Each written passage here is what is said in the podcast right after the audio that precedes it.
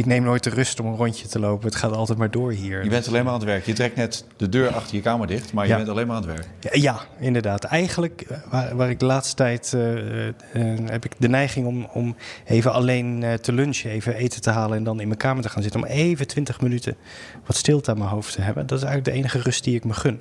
Maar ik weet ook dat het niet, niet goed is, want je moet juist een beetje socializen met je medewerkers en je collega's. Maar ook daar neem ik de tijd niet voor. Ja. Mag ik de zonderling Apple Bruins meenemen voor een koffie? Nou, dan gaan we dat doen. Toch, maar dat toch nog een plan. moment even socializen.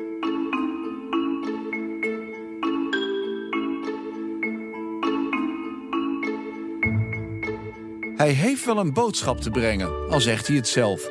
Want Kamerlid zijn, dat is voor hem een roeping. Hij was eerst lid van het CDA, maar raakte teleurgesteld in die partij... en volgde toen zijn hart naar de ChristenUnie. Dit is het verhaal van Eppo Bruins, de gelovige beta met een missie. Ik ben Jeroen Stans en dit is Den Haag Centraal.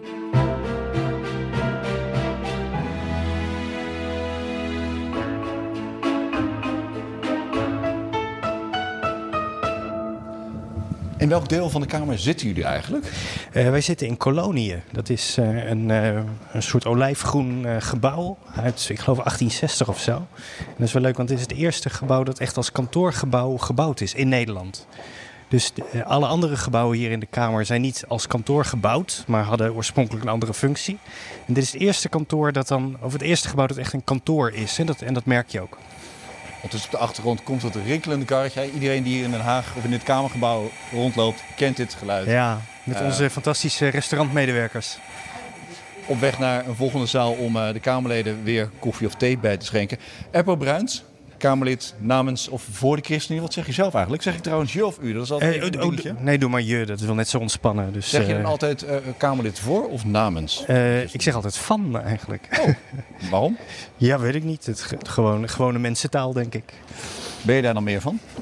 Ja, ja, ik ben wel van de gewone mensentaal. En, eh, ik hou niet zo van duurdoenerij en eh, moeilijke woorden gebruiken. Ik vind gewoon, je moet het aan normale mensen kunnen uitleggen wat je hier doet. Eh, anders, anders beheers je je vak eigenlijk niet. Waar gaan we eigenlijk koffie halen? Is dat eh, hier in het Kamergebouw zelf? Of zeg je, we gaan naar buiten? Ik zie wel hele donkere wolken. Ja, nou de lekkerste koffie hier in het gebouw is eh, beneden in de, in de Statenpassage op Laten de begane grond. koffie gaan halen. Dat is, Jij hebt het langs de snoer, dus laat ik jou even voorgaan op Ja, deze, op roltrap. ja. Maar je begon net dat het altijd zo ontzettend druk is. Hmm. Ehm, dat bleek ook wel toen wij een afspraak wilden maken. Omdat er dus iets tussen kwam. Nou, er kwam eigenlijk niet iets tussen. Je moest gewoon nog bij een, een ander overleg zijn. Ja. Ehm, jouw portefeuille, welke onderwerpen doe je? Kun je, kun je het hele rijtje eens opnoemen? Ja, ik doe eh, eh, financiën. Dus alles wat het ministerie van Financiën betreft, inclusief de Belastingdienst. Ik doe sociale zaken en werkgelegenheid. Ik doe eh, economische zaken. En ik doe onderwijs en wetenschap. En ik doe luchtvaart. Maar als je het allemaal bij elkaar optelt, dan zegt het toch eigenlijk al voldoende? Dat, dat is toch bijna niet te doen? Eh, het, is, eh, nee, het is bijna niet te doen. Je- het is onmogelijk om alles bij te houden. Het is onmogelijk om al die informatie te lezen. Als je al weet hoeveel brieven en stukken er van ministeries komen. En ik heb dus vier, vier en half ministerie onder me, wat ik moet controleren als volksvertegenwoordiger. Dat is zoveel informatie, dat is niet te lezen. En dan zijn we ook nog een kleine partij, dus we hebben maar weinig medewerkers. We hebben eigenlijk ja, één medewerker per, per Kamerlid, nog ietsje minder dan dat Ja. zelfs. Dus eh, ja, je moet je onderwerpen kiezen. Je moet echt focusseren op de belangrijke speerpunten voor jezelf. En het moeilijke dan is dat we een half jaar geleden in de regering zijn gekomen. Dus dat je eigenlijk niet meer de vrijheid kunt hebben van... oh, ik ga wel me daarmee bemoeien, maar niet daarmee bemoeien. Je moet alles. Nu in de regering moet je over alles meepraten binnen de coalitie... en van alles wat weten. Eh, ja, en je stem laten horen als het ook nog een belangrijk onderwerp voor je is. Dus Ja, maar ik zie jullie ook aan alle debatten meedoen. En iedere keer denk ik dan, dat kan toch helemaal niet? Je kunt toch niet met vijf man aan al die debatten mee willen doen? Je draagt eh, eh, regeringsverantwoordelijkheid. Dus ook nog een keertje extra op je gelet. I- I- Ja. hoe, hoe hou je dat vol? Ja, nee, het, is, het is snoeihard werken. En ehm, eh, het is ook bijna niet vol te houden. We houden het vol omdat we in de fractie gewoon... zijn we, nou, om het, om het heel christelijk uit te drukken... we zijn heel genadig naar elkaar. Als we zien dat iemand het gewoon echt niet meer redt... Joh, dan zeggen we, joh, ga naar huis. Doe het debat niet. Eh, eh, eh, je, je moet jezelf gewoon niet kapot werken. Je maar, kan maar, als je, maar als je dat moet zeggen, dan heb je dat randje toch al bereikt. nou ja, je moet dus zorgen dat je nooit bij dat randje komt. Ehm, je moet echt zorgen, dat je kan hier echt dag en nacht blijven werken in Den Haag. En dat moet je gewoon niet doen. Dat is gewoon, want we hebben elkaar allemaal nodig. We zijn met z'n vijven. Dus we kunnen het ons ook niet permitteren dat iemand zich kapot werkt. Dus we letten heel erg goed op elkaar. Gert-Jan Segers is er ook heel scherp op. Hij ziet het meteen. We hebben iedere week een rondje. Hoe gaat het met je? Hoe zit je in je vel? Hoe gaat het thuis? Om echt goed te controleren, wordt het niet te gek. Want, want je werkt in deze wereld altijd op het randje. En uh, zeker als, als eh, Kamerlid van een, van een kleine partij. Maar dan gaat de baas dus echt even langs van Eppo. Hoe gaat het met je? Is Ja. het, uh, Ja. uh, vindt het thuisfront het nog leuk dat je hier Ja. vol continu bezig bent? Ja, dat is, en dat is voortdurend de toetssteen, je thuisfront. Je kan dit alleen maar doen als je een hele stevige basis thuis hebt. Je ziet in de Kamer veel huwelijken stuk gaan. We Ehm, hebben bij jullie collega's van eh, de SGP nog gezien. Albert Dijkgraaf niet lang geleden, die er de brui aan moest geven nadat hij maandenlang al thuis zat. En dat hij heel open was in zijn verklaring. Hij Ook heeft dat heel stoer, eh, op zijn, eh, op zijn eh, ja, hij heeft heel stoer de prioriteit aan, aan zijn huwelijk gegeven. En dat is natuurlijk ook eh, ja, het aller, allerbelangrijkste, je, je thuisfront. En zodra je merkt dat dat niet goed gaat, eh, dan moet je ook meteen ingrijpen. En dan moet je ook zelf voortdurend eh, alert op zijn. Maar we helpen ook elkaar als collega's om daar eh, heel goed in te staan. En Gert-Jan is daar ook heel erg, eh, ja, die, die zit er echt bovenop. Ja. Om er echt voor te zorgen dat zijn clubje gezond blijft en goed blijft. We gingen dus nog steeds die koffie halen. Dan komen we wel bij een terugkerend patroon. Dan moet ik even je microfoon overnemen. Ja, want heel goed. dit poortje door kan maar één man tegelijk. dat klopt. Dus dan horen we je zo weer terug.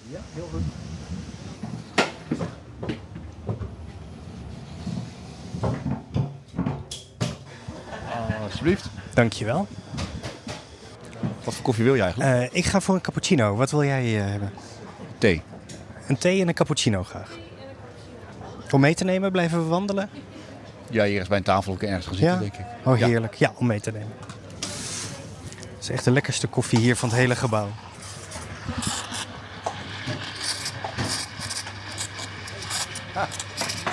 Als we volleerd radio maken, hè, hou je nu de microfoon erbij. Ja, dan kunnen ze horen hoe lekker het is hier. Mocht je nog een keertje een ander beroep eh, overwegen. Cappuccino maken, barista. Ja, heel fijn. Dank u wel. Dankjewel. Dank u wel. Ik zeg, laten we even naar die bank bijvoorbeeld daar lopen. Die daar Ja, in die daar in hoek, het eh, hoekje. ja, Ja. gaan we links of rechtsom? Ja, rechtsom. Zullen we gaan zitten? Ja.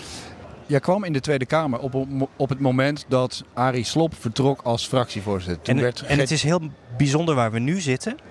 Want Op bank? exact op deze plek, op deze bank in de Statenpassage, was het dat Arie me- naast me ging zitten. Hier, hij zei ik moet je even iets zeggen. En precies op deze bank zei hij mij, Eppo, hou er rekening mee.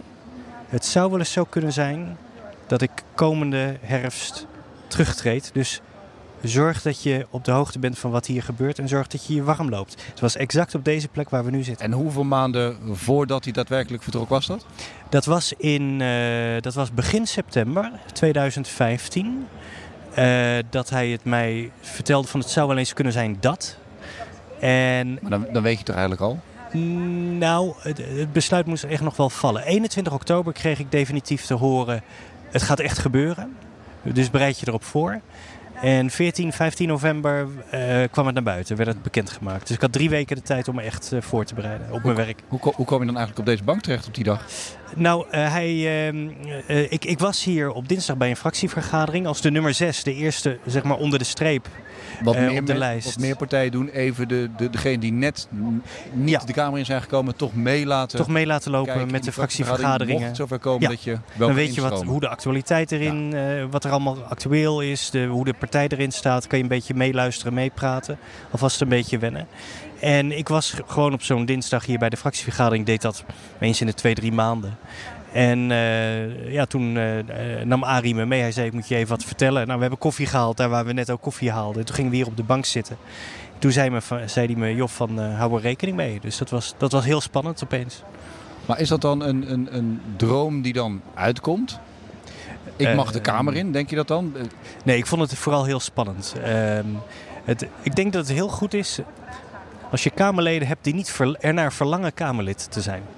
Ehm, Maar dan ga je niet op de lijst staan. Je stond op nummer 6, dus dan verlangen er toch wel ergens naar? nou, het, je, je mag het belangrijk vinden, je mag het als een roeping voelen, je mag, eh, je, je, je mag de ambitie hebben om iets te betekenen voor ons land.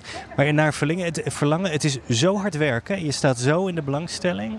dat ehm, het heeft hele mooie aspecten, maar het heeft ook hele zware aspecten. En ik denk dat je heel erg bewust moet zijn van, de, van die twee kanten van, van het Kamerlidmaatschap. Uh, en dat maakt dat je.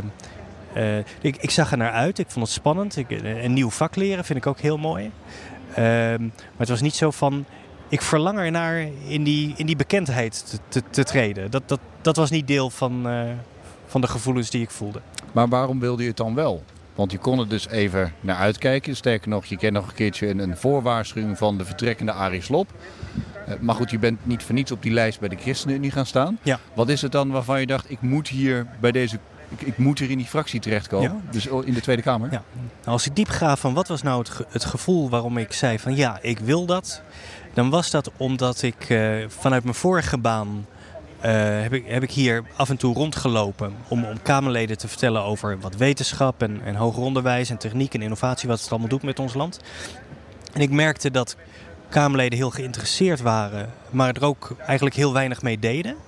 En, maar ik merkte ook dat het een wereld was waar ik um, iets zou kunnen betekenen. En waar ik ook gewoon meer van wilde leren. En, en ik dacht, juist als, als beta, je hebt maar heel weinig beta's in de Kamer.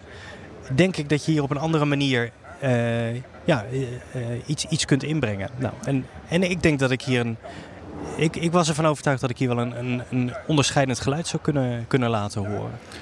Ik las ook inderdaad eerder, um, Apple Bruins is een, is een hele echte, ontzettende beta. Zei iemand een keertje over, ik weet even niet meer, niet meer wie. Maar was dat een compliment of juist niet? Volgens mij werd het degelijk, wel degelijk als een compliment bedoeld, ja. Dat was ergens bij je vertrek toen je dus naar, naar de Tweede Kamer toe ging. Ah, ja. Maar wat heb je er dan aan als beta hier in de Tweede Kamer? Kijk je dan anders naar de onderwerpen dan veel van je collega's? Uh, ja, wat ik merk, dan moet ik een beetje stereotype uh, daar zijn, ze, daar zijn ze dol op in Den Haag, dat scheelt. maar wat ik merk is dat, als ik een beetje stereotypeer, dat beta's die denken in systemen, in grote lijnen, in, in uh, verbanden. Um, als ik een grafiek zie, dan zie ik in één keer. Dan heb je, krijg je van die stukken van het ministerie. Allemaal tekst, tekst, tekst. 10 bladzijden tekst, 12 bladzijden tekst. En op bladzijde 13 staat dan dat ene grafiekje dat voor mij in één oogopslag alles weergeeft wat al die twaalf bladzijden tekst nodig hadden, zeg maar. Dat, maak gewoon een grafiekje, dan zie je het in één keer. Nou, dat is typisch. Dat, dat, dat is wat een beta ziet en doet. Die ziet meteen de, de patronen, de verbanden, de systemen. En, uh, en dat is op een andere manier naar de werkelijkheid kijken. Dus ik geniet ook van mijn portefeuille, want financiën, financieel systeem. Sociale zaken, dat is het, het sociale zekerheidssysteem. Belastingen, toeslagingen, heffingskortingen. Uh, economie is een systeem. Onderwijs is eigenlijk ook een systeem. Want het ministerie staat op afstand. Ze geven gewoon ja, geld aan die scholen. Maar daarachter zit een schoolsysteem. Daar zit ook een ding. Nou, denken in systemen vind ik heel mooi. En daardoor kan je soms grotere onderwerpen aansnijden dan dat sommige andere Kamerleden doen. En wat, wat fundamenteler over de dingen nadenken. We gaat het hier fundamenteel eigenlijk wel goed in dit systeem? Of, of zit er in het systeem iets scheef? Maar als je dan dat grafiekje leest en daarover begint in een debat of in een algemeen overleg, dat vindt dan plaats in de wat kleinere zalen. Um, kijken je collega's je dan aan van waar heeft die Apple Bruins het over? Of, of redeneer je dan ook op een ander niveau? Nee, want um, ik besef heel goed dat ik een van de weinige Bertha's hier ben. En ik heb wel geleerd in al die jaren, in de banen die ik hiervoor heb gehad, om ook met niet-Bertha's gewoon heel goed te kunnen communiceren. Dus um, het, uh, het, maakt mij niet uit of iemand uh, hoog of laag opgeleid is, of iemand een alfa of een beta is, of iemand jong of oud is. Het, het, het, kunnen bereiken van die ander is iets wat ik ontzettend leuk vind. Om echt um, te kunnen communiceren op de manier dat de ander uh, ja, daar ook echt iets bij, bij voelt, bij ziet, het snapt, uh, overtuigd raakt of enthousiast of wat dan ook. dus dat, dat vind ik juist heel erg leuk om in de taal van die ander te spreken. En, en ik merk dat ik dat wel kan. Je hebt nu dus, een, zo zei aan het begin, een, een zeldzaam momentje van even rust. Dat je ook eens kan reflecteren denk, met, met, met, wat je doet. Dan zul je hier ook niet zo heel vaak zitten, denk ik, op deze plek. Ja, alleen als je wordt gevraagd voor belangrijke dingen, heb ik net geleerd. Uh, maar dan kijken we hier naar die roltrap. Die leidt naar de publieksingang van de Tweede Kamer. Kijk je wel eens hier om je heen dan toch in die, die luttele seconden die je hebt en denkt... Nou, best een interessante werkplek hier. Ik ben nog steeds onder de indruk van hier rondlopen. Ik vind het zo'n eer. Maar waarom? Kun je dan aanwijzen wat dat dan is? Waarom dit Kijk, als je gewoon er sec naar kijkt, het deel waar we hier zitten, het, is niet het allermooiste pand. Dan zeg ik het netjes. Ja, het is natuurlijk het moderne gebouw, het nieuwe gebouw uit 1992. Maar toch als je naar boven kijkt, volledig van glas. Hè? Je kijkt naar de, naar de lucht, naar de wolken, naar de blauwe lucht. Ehm, ik vind het mooie van deze hal is dat hier gewoon de mensen rondlopen. Maar dat hier ook de Kamerleden rondlopen. Hier, hier, hier, komt wel alles samen. Dit is zeg maar de gemengde zone. Ja, hier, dit is, uh, hierna moet je nog een beveiligingszone door voordat je bij de Kamerleden kunt komen. Maar dit is het hart van de democratie. En ik vind het. Uh, nou, de eerste keer vond ik het echt ontroerend om hier als Kamerlid te mogen uh, lopen. En nog steeds vind ik het. Ik probeer er toch iedere dag me bewust van te zijn hoe, hoe bijzonder het is. Weet je, het is ook maar voor een tijdje. Ik ben ook maar weer een voorbijganger. en dat ik dit ja, een aantal jaren mag meemaken, vind ik ja, gewoon buitengewoon eervol. Hoe mensen ook naar politici kijken. Hè? Want politici staan ergens helemaal onderin in de pikorde. Als het gaat om wie je kan vertrouwen en niet. Jullie, jullie als politici ja, staan geloof ik nog lager dan wij, journalisten. Ja, nee, absoluut. een prestatie is. Ja, nee, eh, eh, lager kan je niet zakken dan politicus worden. Uh, ik kan alleen weer omhoog hierna. Maar en toch ontroert het je? Ja, nee, absoluut. Want eigenlijk vind ik het ook alweer eervol om, om iets te doen wat zo belangrijk is, maar wat zo weinig gewaardeerd wordt. Um, weet je dan, moet je, dan moet je ook maar weer sterk in je schoenen staan. Je doet dit werk niet om aardig gevonden te worden of om toegejuicht te worden. Zeker niet als je regeringsdeelname hebt. Uh, dan, dan krijg je een heleboel uh, vervelends over je heen op uh, social media en zo. Maar speelt dat dan, je zit bij de ChristenUnie, speelt dat bij jullie partij nog misschien wel meer? Dat je een soort van, van dat je je schatplichtig voelt? Of... Ja, ik weet, ik weet niet of het meer is, want ik kan het natuurlijk van andere collega's niet, niet lezen. En ik weet niet hoe, hoe, hoe, hoe niet-religieuze mensen daarin staan. Maar ik, ik voel het hier als een roeping, dat ik hier gesteld ben. Uh, dat ik dit nu moet doen, dat dat de bedoeling is. Uh, ik, ik kan me voorstellen dat anderen dat ook net zozeer voelen. Maar, um, maar, maar, naast dat het een roeping is, vind ik ook dat je als christen in de politiek in Den Haag ook nog eens naast je gewone werk ook uh, rolmodel bent. Wij willen op een andere manier politiek bedrijven. Wij willen zien dat het, laten zien dat het ook op een mooie manier kan, op een menselijke manier. Dat je niet hoeft te pootje lichten en allerlei nare spelletjes hoeft te spelen die natuurlijk in Den Haag plaatsvinden. Zonder, maar dan zonder naïef te worden. Want we zijn niet naïef als ChristenUnie. Maar ik zeg wel eens over jullie als ChristenUnie jullie zijn eigenlijk gewoon te lief hiervoor. Dat hebben we denk ik aan het begin of tijdens die formatie gezien. Toen die aanvaring tussen uh, jouw baas Gertjan Sergs en Alexander Pechtold. toen heb ik het ook bij ons volgens mij ook nog zo genoemd. Het was zeg maar een lesje tussen de mannen en de jongens. Op dat moment waren jullie nog te aardig. Misschien wel voor. Misschien zit dat wel volledig. Is dat het DNA van jullie? Dat jullie dus niet van het pootje lichten zijn. En wat minder geslepen dan anderen. Omdat je het op een andere manier wil doen. Ja, geslepen heeft voor mij ook wel een hele negatieve klank. Ehm, ik denk dat we heel slim en heel strategisch opereren. En ik weet heel erg zeker dat wij veel meer voor elkaar krijgen dan dat je met vijf zeteltjes op 76 zou verwachten. Uh, ik denk dat we dus qua omvang, als je dat bekijkt, een relatief grote invloed hebben. We zijn eerder één van de vier dan vijf van de 76. Dus in die zin zijn we niet naïef of groen of zo. Um, Misschien kan het soms lijken als je niet meedoet met de geslepenheid. Dat je, ja, dat je minder ervaren bent. Maar dat, dat is het niet. Um, ik, ik denk. Kijk, uiteindelijk als christen zijn we, ben je ervan overtuigd dat op de lange duur het goede overwint. En in de politiek is het ook zo dat je uiteindelijk krijg je alleen maar dingen voor elkaar als je goede relaties onderhoudt met je collega's. En ik kan met iedereen goed opschieten. Er is niemand aan wie ik een hekel heb. Er is niemand met wie ik niet kan opschieten. En dat is ook mijn taak, want je moet die verbindingen leggen om, om samen een meerderheid te kunnen vinden voor je ideeën. Dus um, het heeft ook geen zin om elkaar hier een beetje te lopen ja, zwart maken of uh, foute dingen te doen. Uiteindelijk bereik je met het goede meer. Uh, en en zelfs als dat niet zo zou zijn, wil ik dat nog. Je benadrukte net een paar keer uh, het, het christen zijn. Maar dat, dat ben je van nature niet. Want ik las dat je op je achttiende mm christen bent geworden. Ja, tot geloof ben gekomen. Ja, ja. ja, ik heb het niet expliciet meegekregen. Bij ons werd thuis niet echt, nou, er werd niet uit de Bijbel gelezen. Uh, er werd ook niet echt over gepraat. Ze hebben me, mijn ouders wel naar een, ze hebben me naar een protestants-christelijke basisschool gestuurd. Dus ik heb wel wat verhalen meegekregen. Maar ik heb echt het gevoel gehad dat ik op mijn achttiende aangeraakt werd. En dat mij iets overkwam waar ik niet voor koos, maar dat mij gegeven is.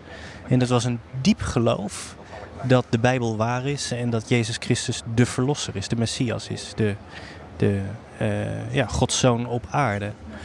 En dat is als een, als een flits tot mij gekomen. Uh, terwijl ik op een uh, groot podium stond, stond te zingen in een koor. Op mijn achttiende. Dat ben ik nooit meer kwijtgeraakt. En ik heb me lang aan dat moment vastgehouden. En pas in de loop der jaren ging ik ook leren, studeren, boeken lezen en, en, en de Bijbel beter begrijpen. En ging het ook, kon ik ook met mijn verstand beredeneren dat je niet gek hoeft te zijn om te geloven. Dat je ook niet dom hoeft te zijn om te geloven. Maar dat als je dat een verstandig, wijs mens alle reden heeft om te geloven dat wat daar staat, dat dat waar is. Zelfs historisch wetenschappelijk. En uh, dat was voor mij met mijn wetenschapsbrein een enorme opluchting om hoofd en hart bij elkaar te krijgen.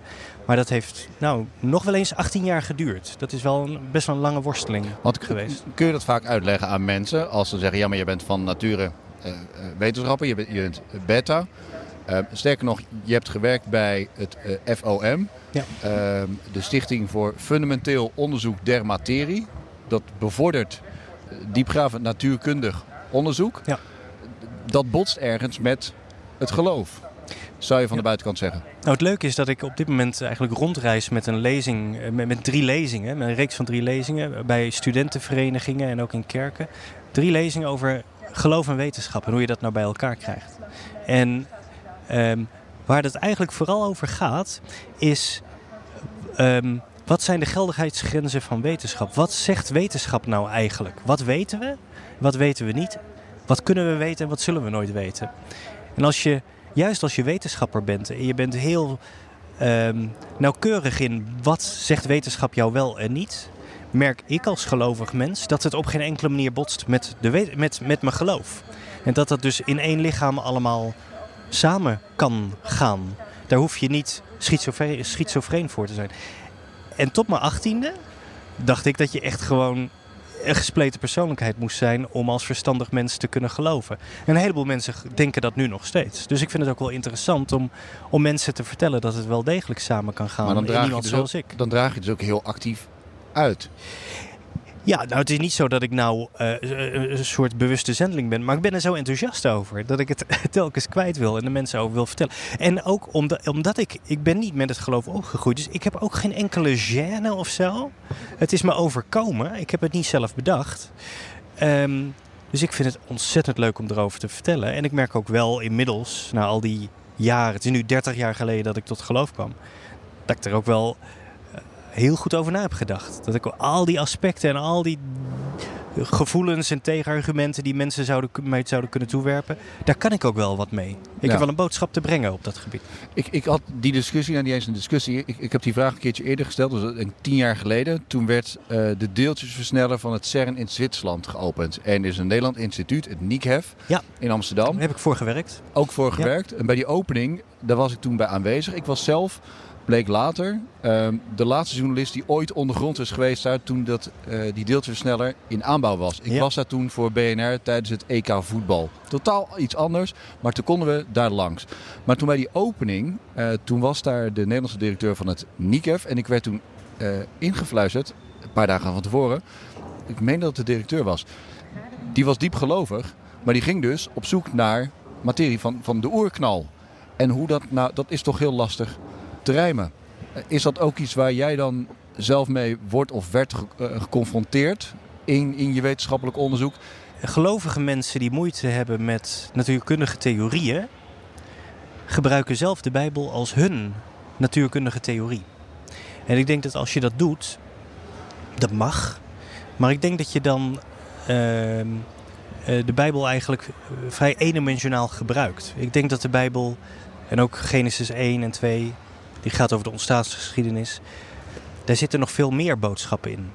Eh, en dat gaat onder andere over God is een God van ritme en niet van chaos. Hij, hij, hij schiep orde, hij schiep, eh, hij schiep dat ritme. Ehm, er is een reden waarom de dingen zijn zoals ze zijn. Als, als mens zijn we hier niet zomaar, maar we zijn aan het eind van de scheppingsdaad met een reden, met een doel hier op aarde terechtgekomen. We hebben een speciale taak te verrichten. En man en vrouw samen zijn het beeld van God. En hebben, we hebben hier als mens dus ook een opdracht te vervullen. Zijnde het beeld van God. Dat schept nogal een verwachting. Nou, dat soort noties haal ik uit Genesis 1 en 2. En ik weet, en jij, jij snapt dat ook natuurlijk, dat er geen, geen oerknal of deeltjesversneller zal dat soort uh, ideeën ooit onderuit kunnen halen. Waar je wel over kunt praten is hoe lang geleden is het, hoe is het precies gegaan, in welke volgorde is het gegaan en wat gebeurde er dan precies. Dat zijn natuurkundige theorieën, dus wetenschappen. En de Bijbel is nooit als wetenschapsboek geschreven. Dan moet je het ook niet met 19e of 20e of 21e eeuwse ogen gebruiken met je verlichte Griekse denken om als wetenschapsboek te gebruiken. Dus ik heb niet de behoefte, ik voel helemaal niet de behoefte om vanuit de Bijbel aan te tonen dat, dat de oerknal niet waar is of zo. Dus als wetenschapper kijk ik naar het heelal en zie ik dat alles uitdijt. En als je dat terugrekent, ja, dan komt dus alles samen in een, in een kleine bal van energie. Ja, dat is de consequentie van het feit dat alles uitdijt. Mhm. Maar wat er nou precies ik, ik ben ervan overtuigd dat, dat, dat God een, een bewuste daad, wat bewust dan ook precies betekent, een bewuste daad heeft gedaan en ons met doel hier heeft neergezet. Nou, daar, daar zal geen natuurkundige ooit uh, ja, iets aan kunnen veranderen. Um, ja, en dan ja, de leeftijd van het heelal, de leeftijd van de, van de aarde, zijn dan eigenlijk niet zulke belangrijke dingen meer. En daar mag je van vinden van mij wat je, wat je wil. 7000 jaar, 13 miljard Mhm, jaar. ja. Ge- geef maar wat. Ik denk dat God zich toch niet laat vangen in een doosje. Dat is eigenlijk best wel mooi opgeschreven. ja. Ehm, iets totaal anders. Waarom zit je eigenlijk bij de ChristenUnie? Je zat namelijk eerst, las ik, bij het CDA. Bij het CDA, ja, tot 2011. Ja, Dat, dat is helemaal niet zo heel lang geleden. Nee, nee. En je zit nu een paar jaar in de Kamer. Dus die overstap is heel recent geweest. Ja. Wat, wat is dan het grote verschil? eh, Nou- waar- waarom moest je overstappen? Ik, ik ben lid van het CDA geworden, of lid überhaupt van een politieke partij, om, omdat dat ehm, eh, ook wel eh, hoorde bij zeg maar, de, de baan die ik deed. Ik, ik, ik wilde graag vanuit de. eh, vanuit als, als manager in de wetenschap wilde ik ook de, de politiek vertellen over het belang van wetenschap en innovatie. En dan, wil, dan is het ook makkelijk als je kunt meedenken in een partij over wat komt er in het partijprogramma te staan. En, eh, dus ik, ik was op een gegeven moment ook lid van een denktank, een denkclubje rondom eh, CDA-Kamerlid Ellie Blanksma. eh, die wetenschap en innovatie in haar pakket had. Ehm, dus ik vond het heel leuk om zo aan de zijlijn ja, mee te helpen denken in het CDA. Maar ik, terwijl ik ja, lid was en naar die congressen ging, merkte ik dat ik me eigenlijk helemaal niet thuis voelde binnen die partij. En ook dat ehm, de zaterdagen vrijwilligerswerk die ik gaf, mee helpen denken en dingen schrijven, dat dat gewoon helemaal, dat landde helemaal nergens. De, de, de partijtop had helemaal niet door dat er geschreven werd en dat er denktanks waren. En, dus ik ben gewoon heel erg teleurgesteld geraakt in die partij. Dat je er een heleboel tijd aan geeft, maar dat het gewoon, eh, ja, dat was zinloos. Dat was werkverschaffing. Maar dat was in de tijd dat het CDA met een gedoogconstructie zat met de PVV. Eh, klopt. Nou, En- dat was ook wel een klap. Ik heb dat congres Maar- op tv bekeken. Maar dat was voor mij ook toen tenen krommend. Ja, maar dat was voor mij ook de, de hele fase dat die hele partij eigenlijk gewoon veranderde. Ja, dat klopt. CDA is heel erg veranderd. Ik was een fan van de jonge Balkenende. Ik vond het heel fris dat deze man in een hele moeilijke tijd voor Nederland... vanuit, ja, als professor vanuit de wetenschap premier werd. Ik vond het heel verfrissend. Ik was van de stroming Ab Klink in het CDA, zeg maar. Die, die, die hoek.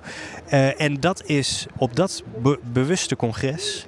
eh, zie ik wel dat het CDA een, een hele andere kleur en klank heeft gekregen. En dat was voor mij ook wel een, nou ja, een van de druppels in een emmer water die op een gegeven moment oh, eh, eh, vol was.